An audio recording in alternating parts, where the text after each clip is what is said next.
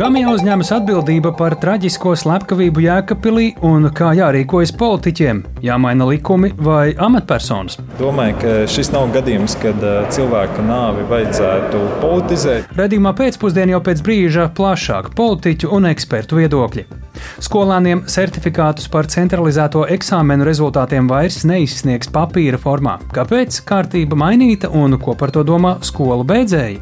Bet dabas aizsardzības pārvalde plāno monitorēt lāčus Latvijā. Par to visu tūdaļ ziņu raidījumā pēcpusdienā kopā ar mani Tāli Eipuru.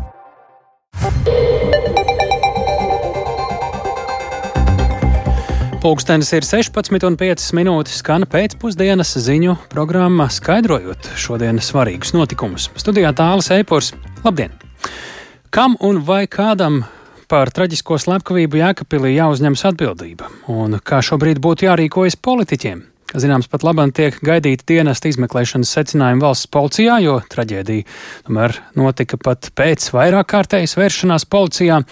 Politiķi savu atbildības daļu mm, pagaidām saredz virzot pārmaiņas likumos, lai mainītu līdzšinējo pieeju. Mums studijā pievienojas kolēģis Jānis Kīns, kurš ir apkopojis politiķu viedokļus, tā skaitā par atbildības jautājumu. Sveiki, Jāni! Kādi ir politiķu viedokļi? Sveiks, tēls, sveicināti klausītāji. Šī traģēdija aprīļa vidū, kad eh, Jēkabos novadā bijušais dzīves biedrs Leons Rusiņš pēc mēnešiem ilgiem draudiem un vajāšanas nodūru sievieti viņas bērnu un mātes acu priekšā, ir izgaismojusi vairākas problēmas. Un Lai arī šī sieviete vairākas reizes vērsusies policijā, pret slepkavu iepriekš sākt 18 krimināla procesi, šo traģēdiju neizdevās novērst.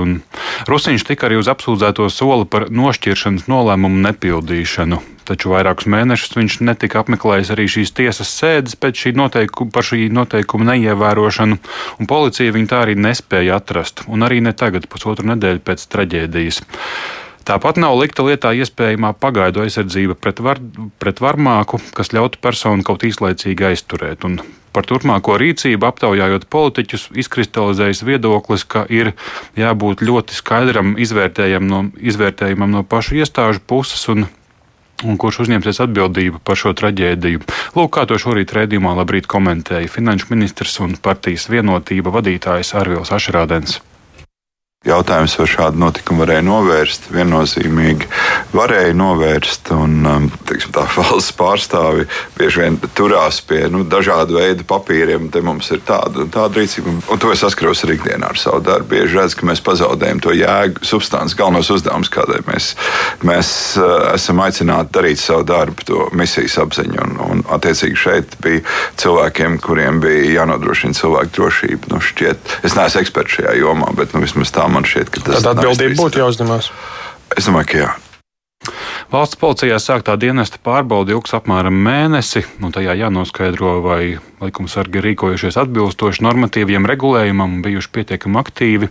Tikmēr politiķi jau gatavo izmaiņas likumos, reaģējot uz jau izskanējušajiem trūkumiem konkrētajā, ko atklāja konkrētā traģēdija. Un Dienas izmeklēšanas rezultātus gaida arī iekšlietu ministrs Māris Kučinskis no apvienotā saraksta, un viņš raidījumā krustpunktā trešdien nosauca jau vēl vairākas gaidāmās plānojamās izmaiņas likumos. Paklausīsimies!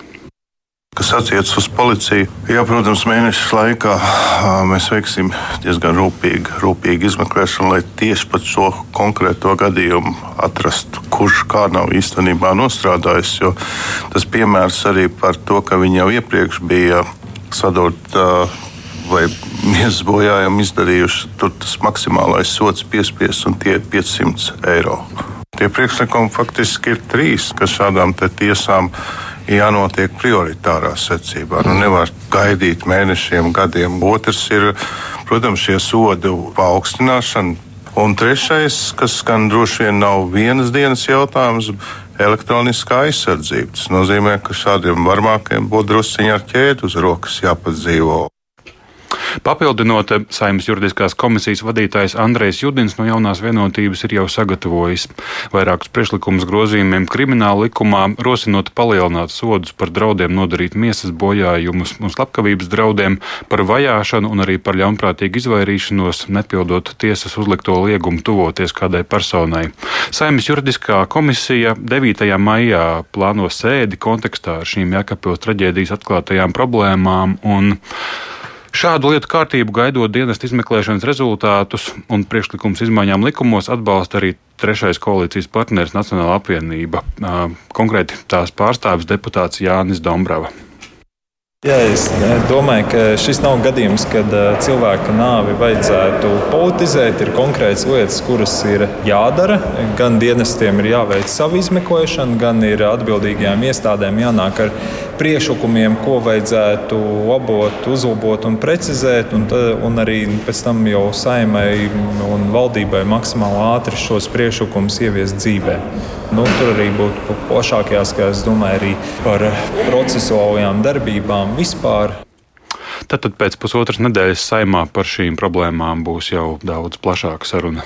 Jā, vienlaikus šīs traģēdijas fonā tepat šodien saimā bija deputāti, kuri centās atsākt lemšanu par Stambulas konvencijas pieņemšanu Latvijā. Jā, to centās panākt frakcijas deputāti, frakcijas progresīvie deputāti kuri uz, ar to uzdotu valdībai nekavējoties virzīt eh, ratifikācijai šo konvenciju. Pēc deputātu teiktā šī dokumenta ieviešana pati par sevi nebūtu panacēja, taču tā joprojām ir starptautisks standarts un galvenais instruments, lai izskaustu ar dzimumu saistītu vardarbību, tostarp vardarbību ģimenē. Tā to savā lēmumā pirms diviem gadiem apstiprināja arī satvērsmes tiesa. Tomēr šodien debatēs eh, Ainārs Lesters no Latvijas pirmajā vietā izteicās, ka Latvijai nevajagot vēl vienas norādes no malas, kā rīkoties, kaut gan mērķis izskaust vardarbību esot skaidrs. Un atgādināšu, ka Latvija ir viena no sešām valstīm, Eiropas Savienības valstīm, kurās šī konvencija nav pieņemta. Nu jā, un arī šodien šis progresīvo aicinājums neguva saimnes vairākumu atbalstu. Jā, nu, paldies Jānim Kīncim, bet mēs vaicājam politologam Jurim Rozenvaldam turpinot par šo atbildības eh, tematu, vai šobrīd ir saredzams pamats kādam politiķim vai amatpersonai uzņemties politisko atbildību par iestāžu nespēju atbilstoši reaģēt uz notikušo slepkavību un atkāpties no amata, kā piemēram pirms gada bija spiests to darīt toreizajā iekšlietu ministram arī Golubēva. Klausāmies Rozenvalda kungs sacītajā.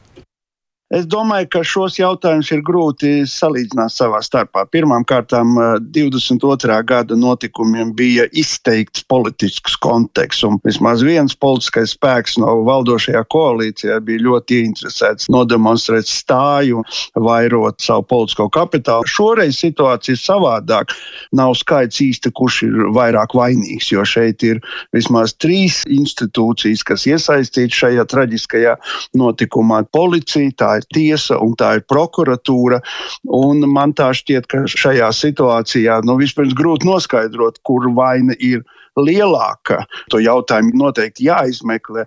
Bet katrā ziņā nav skaidrs, ja mēs runājam par ministriem, nu šādā gadījumā kurš ir tas vainīgais, vai iekšlietu ministrs, vai tieslietu ministrs, vai kā savādāk. Līdz ar to ir nepieciešama tāda sistēmiska izskatīšana, lai mēs saprastu, jo cik var spriest tieši viena no galvenām problēmām ir pienācīgs miedarbības trūkums starp šīm institūcijām, bet par politisko atbildību, tad es domāju, par politisko atbildību jāuzņemās saimas vairākumam, kurš šodien balsoja pret jautājumu par Stambulas konvencijas ratifikāciju iekļaušanu saimas darba kārtībā. Un tas ir, manuprāt, ir būtiski, ka Latvijas politiķi liela daļa, vairākums teikt, no tiem, kas pārstāvēt saimā, izliekas neredzam, ka šāda, nu, var teikt, sistēmiska problēma pastāv un līdz ar to bremzēšana šī jautājuma risināšana tādā ziņā, kā Stambulas konvencijas ratifikācija, tas arī paredzētu arī šādu skatu no malas uz to, cik lielā mērā mums tāda sistēma ir izveidota un cik efektīvi darbojās dažādi pasākumi vardarbības ģimenē novēršanai. Jo tā ir Latvijai ļoti liela problēma. Šai ziņā esam, diemžēl, līderu pēdiņās starpā Eiropas Savienībā. Nu, tā pašā laikā nu, nav gluži tā, ka neviens politiskais spēks no šī necenšas kaut ko radīt. Redzam to pašu Ašerādenu kungu, kurš šorīt Latvijas radio pauda, ka saistībā ar šo slepkavību kādam būtu jāuzņemas atbildība un jāatkāpjas no amata. Šeit tiešām ir jautājums nevis par to, lai kādas galvas ripotu obligāti. Tas nevar būt tāds, kas saka, mērķis, ko var izvirzīt. Jā, kaut arī, protams, ja skaidri parādīsies, ka viena institūcijai ir lielāka un izteikta vaina, cik varēs spriest arī pēc vakardienas Dombūra diskusijas, tad nu, tās institūcijas institūcijas jau tā kā neapgalvo, ka viss būtu absolūti perfekti. Ja?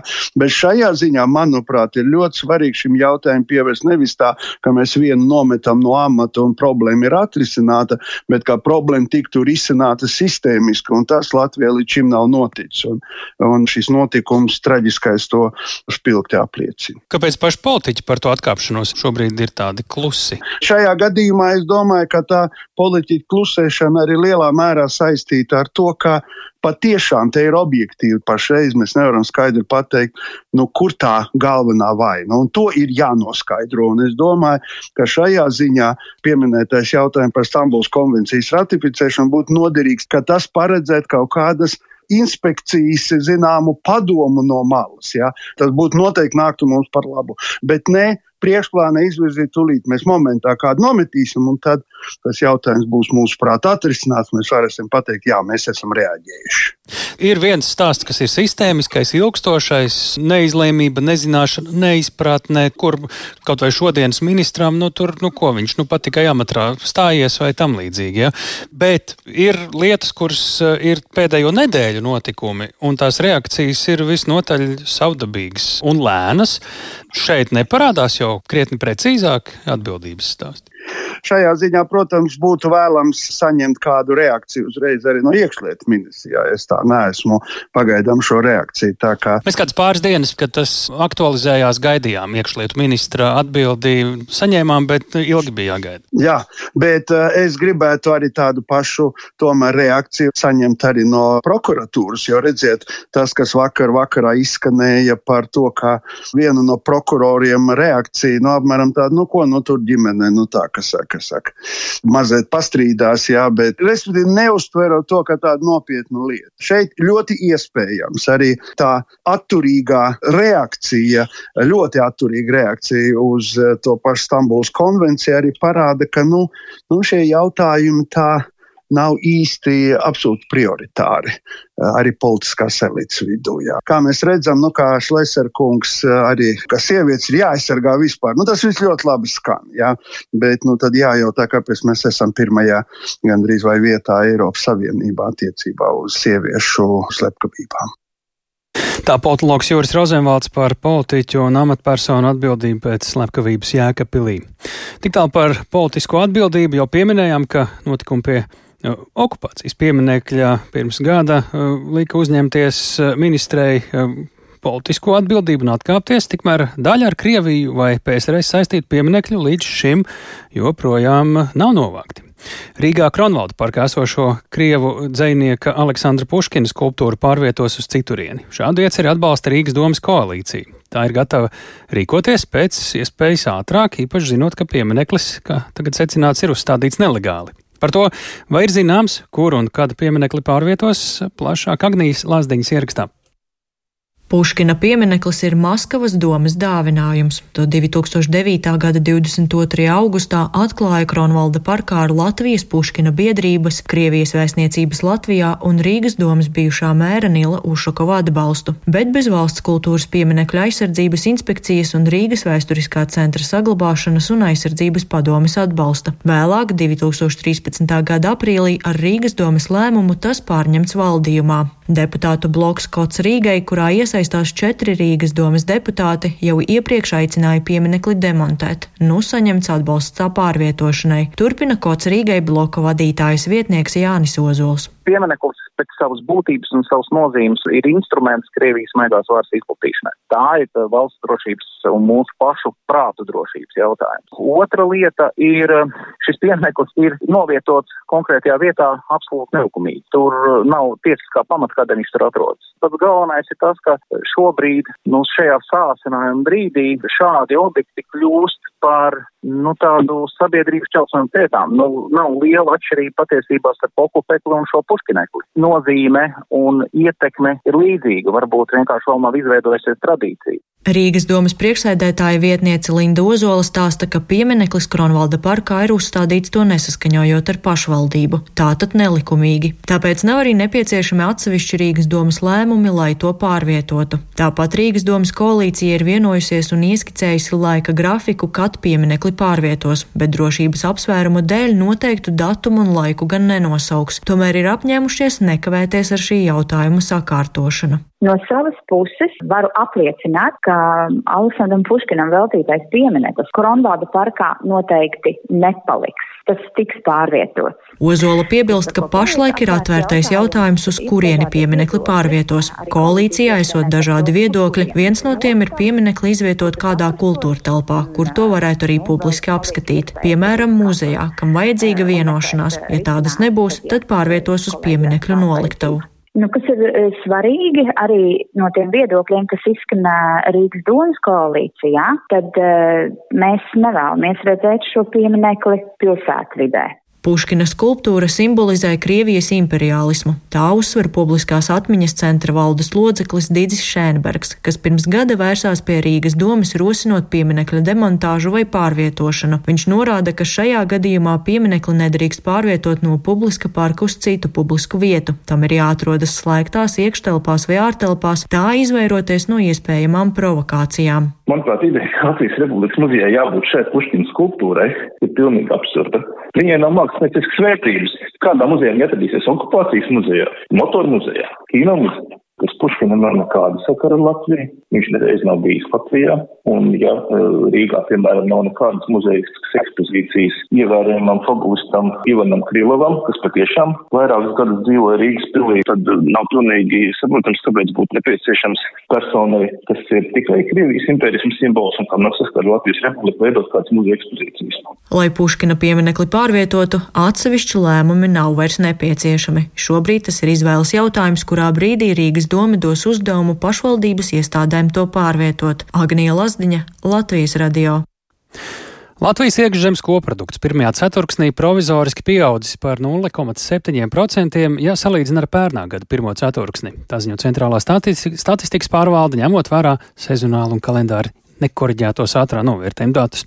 Tas ir kopējais pieaugums, bet uh, pēc provizoriskām aplēsēm piedzīvots kritums par 1,3% ražošanā, savukārt pakalpojumu nozarē pieaugums par 0,4%, uh, savukārt par 8,2% vairāk ir iekasēti produktu nodokļi. Pie mums klausulas šobrīd ar ekspertīzi tā kā ir piekritusi nākt Latvijas bankas ekonomiste Daina Paula. Labdien! Labdien! Nu, mēs skatāmies, ka pagājušā gada pirmajā ceturksnī tas ir tas, ar ko mēs salīdzinām šo pieaugumu. Šobrīd pašā vidū notika Krievijas iebrukums Ukrainā, bet eh, tā vai tā toreiz eh, visticamāk vēl tas pirmais ceturksnis eh, ritēja ekonomikā uz inerces rēķina un, nā, vismaz varētu pieņemt, līdz ar to, kā tad ir uztverama ziņa, ka salīdzinot ar to laiku, šobrīd ir piedzīvots 0,7% iekšzemes koprodukta kāpums pirmajos ceturkšņos. Jā, ir jāsaka tā, ka pagājušajā gadā pirmais ceturksnis un arī gads kopumā bija visnotaļ eh, nevienmērīgs un diezgan raibs, jo pirmā ceturkšņa sākumā, gada sākumā atceramies, ka vēl bija spēkā atsevišķi pandēmijas, eh, ar pandēmiju saistīti ierobežojumi. Pēc tam nāca arī šis Krievijas iebrukums Ukrainā. Un, un ļoti uh, dažādi mainījās uh, ekonomikas dalībnieku noskaņojums attiecībā piemēram uz materiālu uh, un enerģijas piegādēm, uz to pieejamību un cenām. Uh, līdz ar to šis te, uh, gada pieauguma tēmas faktiski atspoguļo visu šo raibo notikumu klāstu. Bet, ja mēs paraugāmies to, uh, uz to, kāda tā uh, attīstība ir bijusi pēdējos ceturkšņos, nu, sezonāli izlīdzinātā izpratnē, tad uh, jāsaka, ka uh, ātrais novērtējums, ko centrālās atsekas pārvalde publicē šodien, uh, rāda, ka Latvijas tautsēmniecības izaugsme saglabājusies noturīga un pat uh, noturīgāka nekā to sākotnēji varbūt varēja gaidīt. Uh, augstas nenoteiktības, augstu enerģijas rēķinu uh, un arī pirktspējas krituma dēļ. Mēs redzam, ka resursu piegādes ceļu sekmīga pārkārtošana globālajā tirgu un arī pakāpenisks enerģijas cenu sarukums, tāpat arī noteikti valdības atbalsts, un Latvija šeit nav vienīgā. Uh, Latvijā arī minimālās algas pieaugums, tas ir stabilizējis nevienu tautsēmniecības dalībnieku noskaņojumu, bet patiešām arī ekonomisko aktivitātu un patēriņu. Nu jā, iepriekšējā ceturksnī, kas ir pagājušā gada pēdējais ceturksnis, bija fiksēts 1,2% IKP pieaugums. Tagad tas ir par vienu tiesu mazāks, 0,7%. Tā ir kāda tendence, vai ko mēs no tā varam secināt, arī jau nedaudz paskatoties uz priekšu, mēģinot prognozēt? Jā, tātad jūs minat šos gadu pieauguma tempus un atceramies, ka šie gadu pieauguma tempi ir saistīti ar visu, kas iepriekšējā gada laikā ir, ir noticis, tātad pret to attiecīgo bāzes periodu. Jā. Bet, ja mēs skatāmies patiešām konkrētā ceturkšņa norises, tad, tad jā, mēs varam redzēt, ka no vienas puses varbūt izskatās, ka pirmā ceturkšņa attīstība ir nedaudz lēnāka nekā, nekā pērnajā, pērngada ceturtajā ceturksnī. Tomēr jāsaka, tas ir pat arī pret augstāku līmeni nekā tika gaidīts. Visnotaļ jāatceras, ka ļoti vēl ar vienu augstas nenoteiktības apstākļos, augstu komunālo maksājumu rēķinu apstākļos un, aug, un arī tirgspējas sarukuma apstākļos. Par ko liecina tās pazīmes, ko jūs vērojat, kā nevis tieši koproduktu pieaugums, varbūt, bet vispār koprodukts, kur tas dosies šajā gadā. Mēs zinām, ka būs atkal energoresursu cenu pieaugums, nu, vai tarifu tā jāsaka Latvijā. Nu, mēs nevaram prognozēt arī ģeopolitisko situāciju. Mēs pēc brītiņa runāsim par karu Ukrainā tā skaitā. Kā jūs raugāties, ar ko mēs varam rēķināties un kas ir nezināmais? Latvijas Bankas pēdējās publicētās prognozes ir, ir publicētas marta beigās. Un salīdzinājumā ar iepriekšējām, tad, tad inflācija tika korģēta uz leju tieši pamatojoties uz to, ka globālajā tirgu normalizējas resursu piegādes un enerģijas cenas pakāpeniski sarūk. Patiesībā mēs jau arī redzam, ka arī Latvijā vairāk pakalpojumu sniedzēji uh, piesaka jaunus tarifus vai jau faktiski samazina uh, enerģijas cenas saviem klientiem. Paldies! Sakām Dainai Paulai, Latvijas bankas ekonomistei, un turpinām par tēmatu, kas ir ļoti cieši, cieši saistīts ar to, uh, kā, cik ātri un kā, kādā veidā attīstās Latvijas ekonomika. Proti, karš Ukrainā NATO dalībvalstis un to partneri ir piegādājuši Ukrainai 230 tankus un 1550 citas bruņu tehnikas vienības. Par to šodien ir paziņojis alianses ģenerālsekretārs Jens Stoltenbergs. Šobrīd Ukraina turpina gatavoties pretuzbrukumam, kas varētu notikt nākamēnes. Tikmēr Krievija Ukrainas okupētajās dienvidu teritorijās turpina stiprināt aizsardzību. Plašāk stāsta Rihards Plūme. Turpinoties sīvām kaujām Ukrainas austrumos, paralēli notiek nopietna gatavošanās Ukrainas pretuzbrukumam, kas, kā tiek pieļauts, varētu notikt mājā. Ņemot vērā to, ka tiek gatavoti spēki un resursi uzbrukumam, cīņās frontē resursi šobrīd ir ierobežoti. Tā piemēram Bahmutas aizstāvis Volodamirs, kura bataljons pilsētas pievārtē ar gradu raķešu sistēmu piesedz savus Bahmutā esošos biedrus, žurnālistiem norāda, ka munīcijas viņam trūkst. Pērn ap šo laiku varējuši okupantu virzienā vienā reizē raidīt vairākus desmitus raķešu, tagad tikai dažas, jo nākas taupīt. Ukrainas grada krājumi esot izsmelti, saka Volodamirs, norādot, ka jāpaļaujas uz citu valstu, to starp Čehijas, Rumānijas un Pakistānas raķetēm. Kā šodien norādījis NATO alianses ģenerālsekretārs Jens Stoltenbergs, NATO dalībvalstis un to partneri piegādājuši Ukrainai lielu daudzumu munīcijas, 230 tankus un 1550 citas bruņu tehnikas vienības, kas palīdzēs Kijevai atkarot daļu teritorijas. Uh, Sabiedrotie uh, ir piegādājuši uh, Ukrainai bezprecedenta militāro atbalstu, tostarp aprīkojumu, ieroču sistēmas un lielu daudzumu munīcijas, un mēs to turpinām darīt. Esam piegādājuši modernas pretgaisa aizsardzības sistēmas Haimars un arī lielu skaitu bruņu transportieru, kaujas tankus un citu transportu. Kopumā tas Ukrainai dod deviņas labi apmācītas un apgādātas brigādes, un tas dod spējas, lai atgūtu iegūtu vairāk teritorijas. Uh, Stoltenbergs piebilda, ka tajā pašā laikā nevajadzētu par zemu novērtēt arī Krieviju. Ņemot vērā to, ka armijas kvalitāte Krievijai ir zemāka, Krievija cenšas gūt pārspēku ar skaitu. Krievija šobrīd turpina gatavoties Ukrainas pretuzbrukumam, veidojot okupētajās Ukrainas dienvidu daļās aizsardzības būves. Ziņu aģentūra Reuters, atsaucoties uz savā rīcībā iegūtiem satelīta attēliem, secinājusi, ka Krievijas karaspēks aktīvi būvē nocietinājumus un ierakumus Zaporīžas apgabala dienvidu austrumos, kā arī Hersonas apgabalā šaurā zemes strēlē, kas savieno okupēto Krimas pussalu ar kontinentālo Ukrainu. Tikmēr Lielbritānijas izlūkdienestu eksperti norāda, ka Krievu iebrucēji gatavojas kaujām arī Zaporīžas atomelektrostacijas apkārtnē. Kā teikts Lielbritānijas aizsardzības ministrijas ikdienas ziņojumā par situāciju Ukrainas frontē, satelītu uzņēmumi liecina, ka uz dažu reaktoru jumtiem, izmantojot smilšu maisus, ierīkotas aizsardzības pozīcijas. Šīs darbības palielina draudus, ka kauju gaitā var tik nodarīti bojājumi stācijas drošības sistēmai.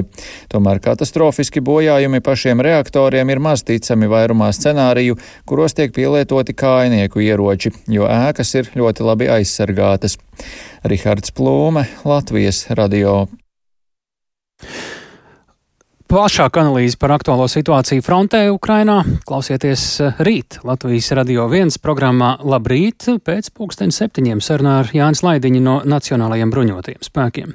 Bet turpinot, Latvijā lāču kļūst arvien vairāk, nolemts veikt lāču monitoringu, tikmēr skolēni certifikātus par centralizēto eksāmenu rezultātiem nevarēs saņemt papīra formā. Pie šiem tematiem, par šiem tematiem klausieties redzījumā pēcpusdiena turpmākajās minūtēs.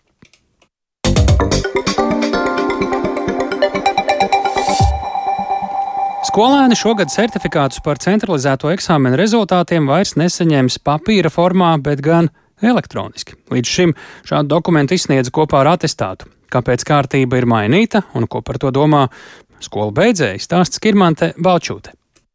Certifikātos tiek norādīti 9 un 12 klašu beidzēju centralizēto eksāmenu rezultāti.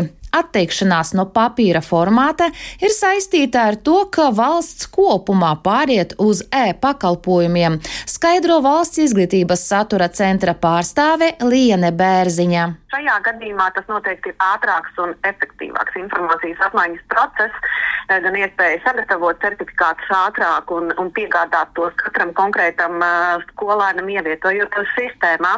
Dati tiek digitāli ģenerēti, automātiski sagatavots certifikāts un tad attiecīgi caur Latvijā B vai valsts pārbaudījuma sistēmā tos tad var redzēt. Un, um, jā, un šajā gadījumā viens būtisks faktors mazinās arī vajadzību atkārtoti, pieprasīt, piemēram, certifikāta dublikātu, ja tas ir nozaudēts, jo viņš visu laiku būs pieejams uh, katram konkrētajam uh, skolēnam pēc nepieciešamības un vajadzības. Bet svarīgākais ir tas, ka atteikšanās no certifikāta izdošanas papīra formātā rada arī būtisku ietaupījumu, jo tā sagatavošana esot bijis visai sarežģīts darbietilpīgs un dārgs process. Mēs aptuveni runājam par 144 tūkstošiem certifikātu, jo katram, katram eksāmenam savs certifikāts. Tas šajā mācību gadā ir tas daudzums darbu, kuri tiks vērtēti. Un tad jā, jāsaprot, ko tas prasītu, piemēram, tādā finansiālā izteiksmē. Protams, nu, nenosauksim noteikti konkrētu skaitli, bet tas ir specializēts papīrs, tā ir hologrāma, tas ir milzīgs manuāls darbs, tas ir arī transporta izdevumi arī izglītības iestādēm, kurām būtu jābrauc pakaļ šiem certifikātiem. Tā ir šķirošana, tas ir uh, cilvēku resursu ietaupījums. Nepieciešamības gadījumā jauniešiem būs iespēja nopirkt certifikāta papīra versiju. Katram eksāmenam tiks izdots savs certifikāts. Cena ir noteikta 10 eiro par vienu. Tie tikšot sagatavoti piecu darba dienu laikā. Lūk, ko par jauno kārtību domā paši 12. klases skolēni. Vērtēju laikam vairāk pozitīvi, jo man liekas, tā ir tāda loģiska pārēju uz modernāku veidu, kā saņemt savu certifikātu. Jo, piemēram, tu iestājies universitātē, viņi jau prasa digitālu atsūtīt bieži vien. Vairs nevajag rādīt to papīra formātu. Mans viedoklis ir negatīvs, jo, manuprāt, tev certifikātam jābūt iekļautam. Un nav godīgi, ka man šogad ir jāmaksā par to, lai dabūtu to. Es uzskatu, ka no vienas puses tas ir izdevīgi tādā ziņā, ka viss ir pieejams digitāli, un tad, kad man jāsūta universitātēm, ir savs digitālais diploms, un vispār es visu ir gatavs digitāli, bet no otras puses man ļoti nepatīk tā doma, ka, ja es gribētu viņu tiešām dabūt papīra formātā un, nezinu, pielikt pie sienas vai kā tam līdzīgi, man būtu jāmaksā. Es uzskatu, ka jābūt tam, ka abi divi ir pieejami papīra formātā, un viņš jau ir automātiski digitāli. Man tas liekas ļoti, ļoti loģiski, ka man ir pieejams gan gan. Stājoties augstskolā Latvijā, eksāmenu papīra certifikāts nebūs nepieciešams, skaidro valsts izglītības satura centrā, bet to varot pieprasīt ārzemju izglītības iestādes. Skirmata Baļķute, Latvijas radio. Turpinot Bruno Lāču monitoringu Latvijā par 120 tūkstošiem eiro iepirks dabas aizsardzības pārvalde, ņemot vērā, ka tie ir īpaši aizsargājumi dzīvnieki. Turpmākos divus gadus monitoringu plānots veikt ar divām metodēm, proti lāča darbības pēdu uzskaita un molekulāri ģenētiskais monitorings. Dabā izvietos matu lamatas un slēpņu kameras un apsakos arī veco abeļdārzu un drāvu postījumus. Tur ievāks DNS saturošus materiālus, lai pēcāk tos analizētu ar molekulārās ģenētikas metodi. Turpina dabas aizsardzības pārvaldes vecākā eksperte Zanda Segliņa. Šis te metodes uh, nemainīgums kopš 13. gada mums dod lieliski iespēju salīdzināt savstarpēji katrā gadā iegūtos datus. Uh, Tas ir arī veids, kā mēs esam konstatējuši, ka lāču populācija Latvijā ir palielinājusies pēdējā monitoringa atskaitē ir norādīts, ka lāču populācija šobrīd varētu būt aptuveni 70 individi. Un ļoti labs ieguldījums ir šī molekulārā ģenētika, kad mēs identificējam katru individuālu dzīvnieku, kas mums precīzāk ļaut arī nākotnē, ja mēs to turpinam noteikt precīzi šo skaitu individiem, kas uzturās Latvijas valsts teritorijā. Tā dabas aizsardzības pārvaldes pārstāvē, nu, tātad monitoringa laikā ģenētisko materiālu varētu ievākt, eh, iespējams, arī lācim, kas nesen tika manīts Rīgā, netālu no Buļļupes. Eh, protams, dzīvnieks joprojām ir Latvijā. Lai parunātu plašāk, mums pie klausulas šobrīd ir Latvijas valsts mēžu zinātnes institūta Silau vadošais pētnieks Jānis Ozoliņš. Labdien! Labdien! Nu, mēs te pieminējām to buļļu slāci, tā viņi varētu nokristīt. Kaut kas par to ir vairāk tagad dzirdēts pēc tam, kur, kur tas devies, ne? Par buļļu slāci nē, jo arī mums nekas vairāk nav atnācis kā šis pašvaldības policijas veiktais video ieraksts.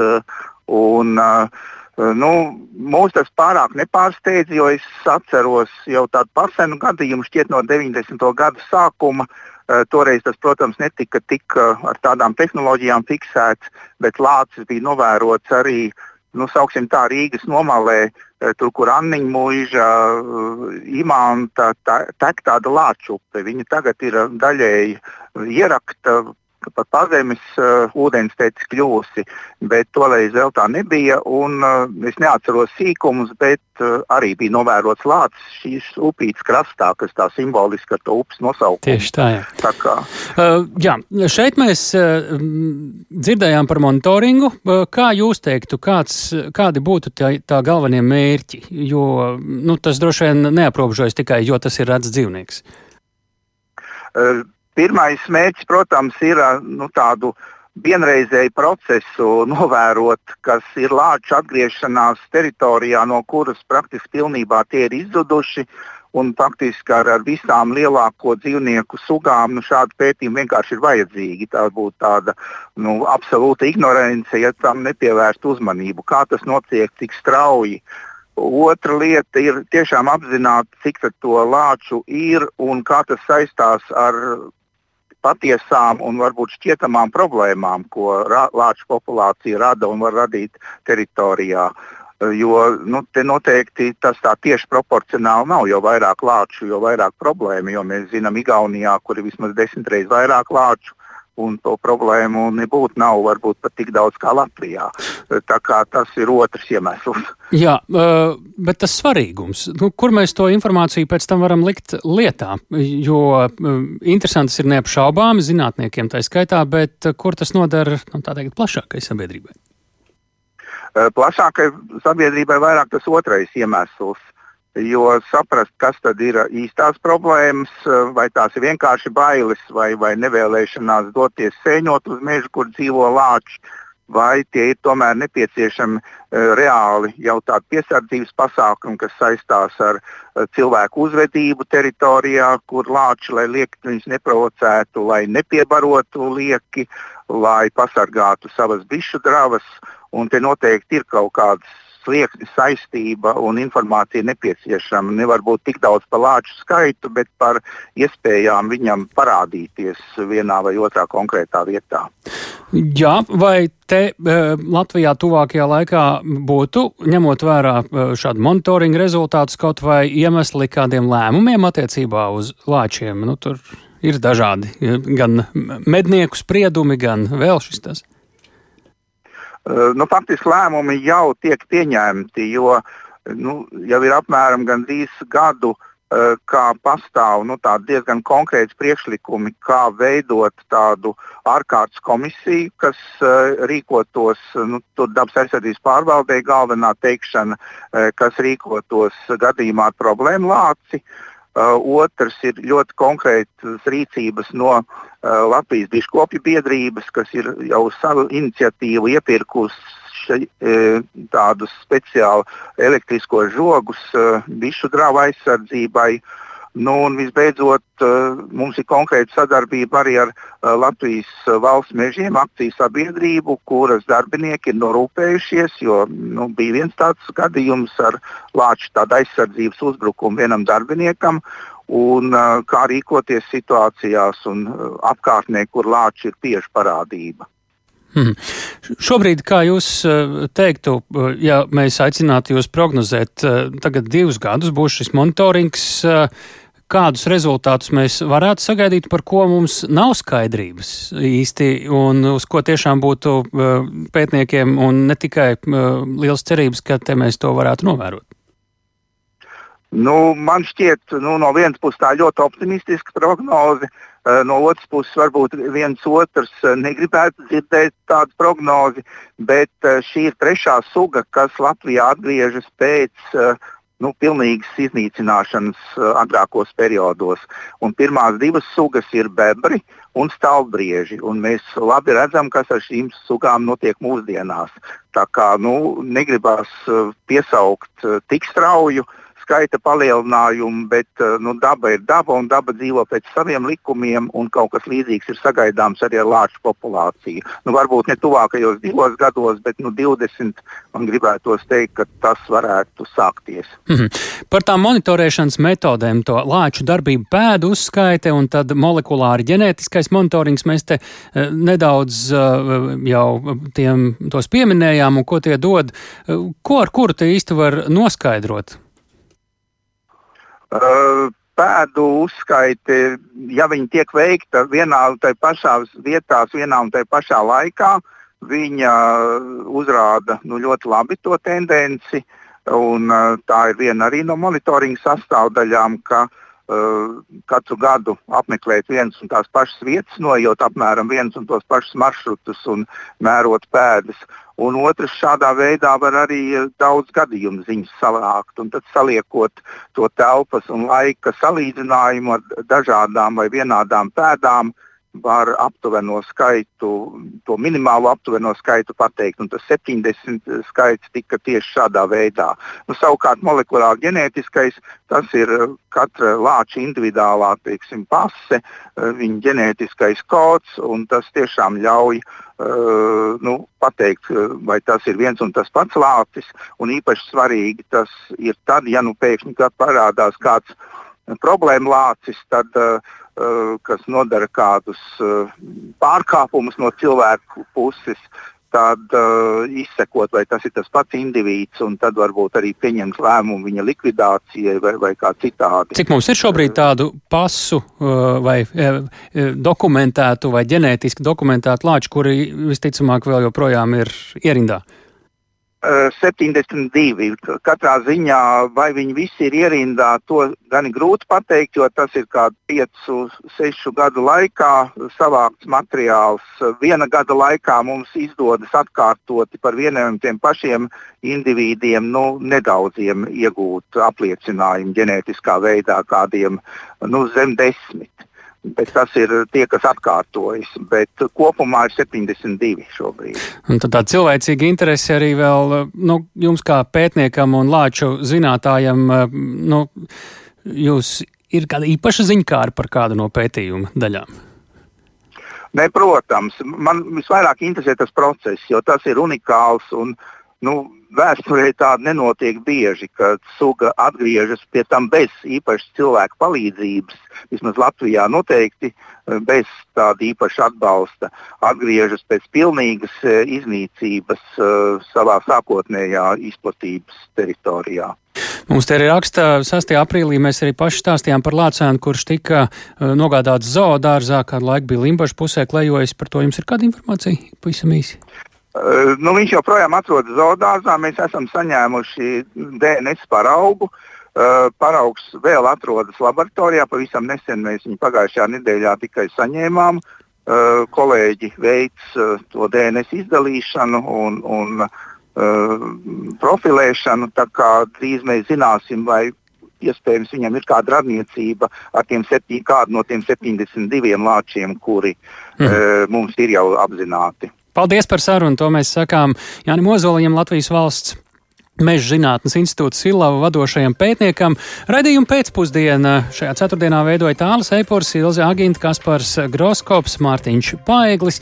Mēs sakām paldies jums, ka klausījāties. Ja domājat, ka kādam šis raidījums ir jādzird, Latvijas radio mobilajā lietotnē jau pēc brītiņa tas būs noklausāms, varēsiet ar citiem arī dalīties. Līdz rītam!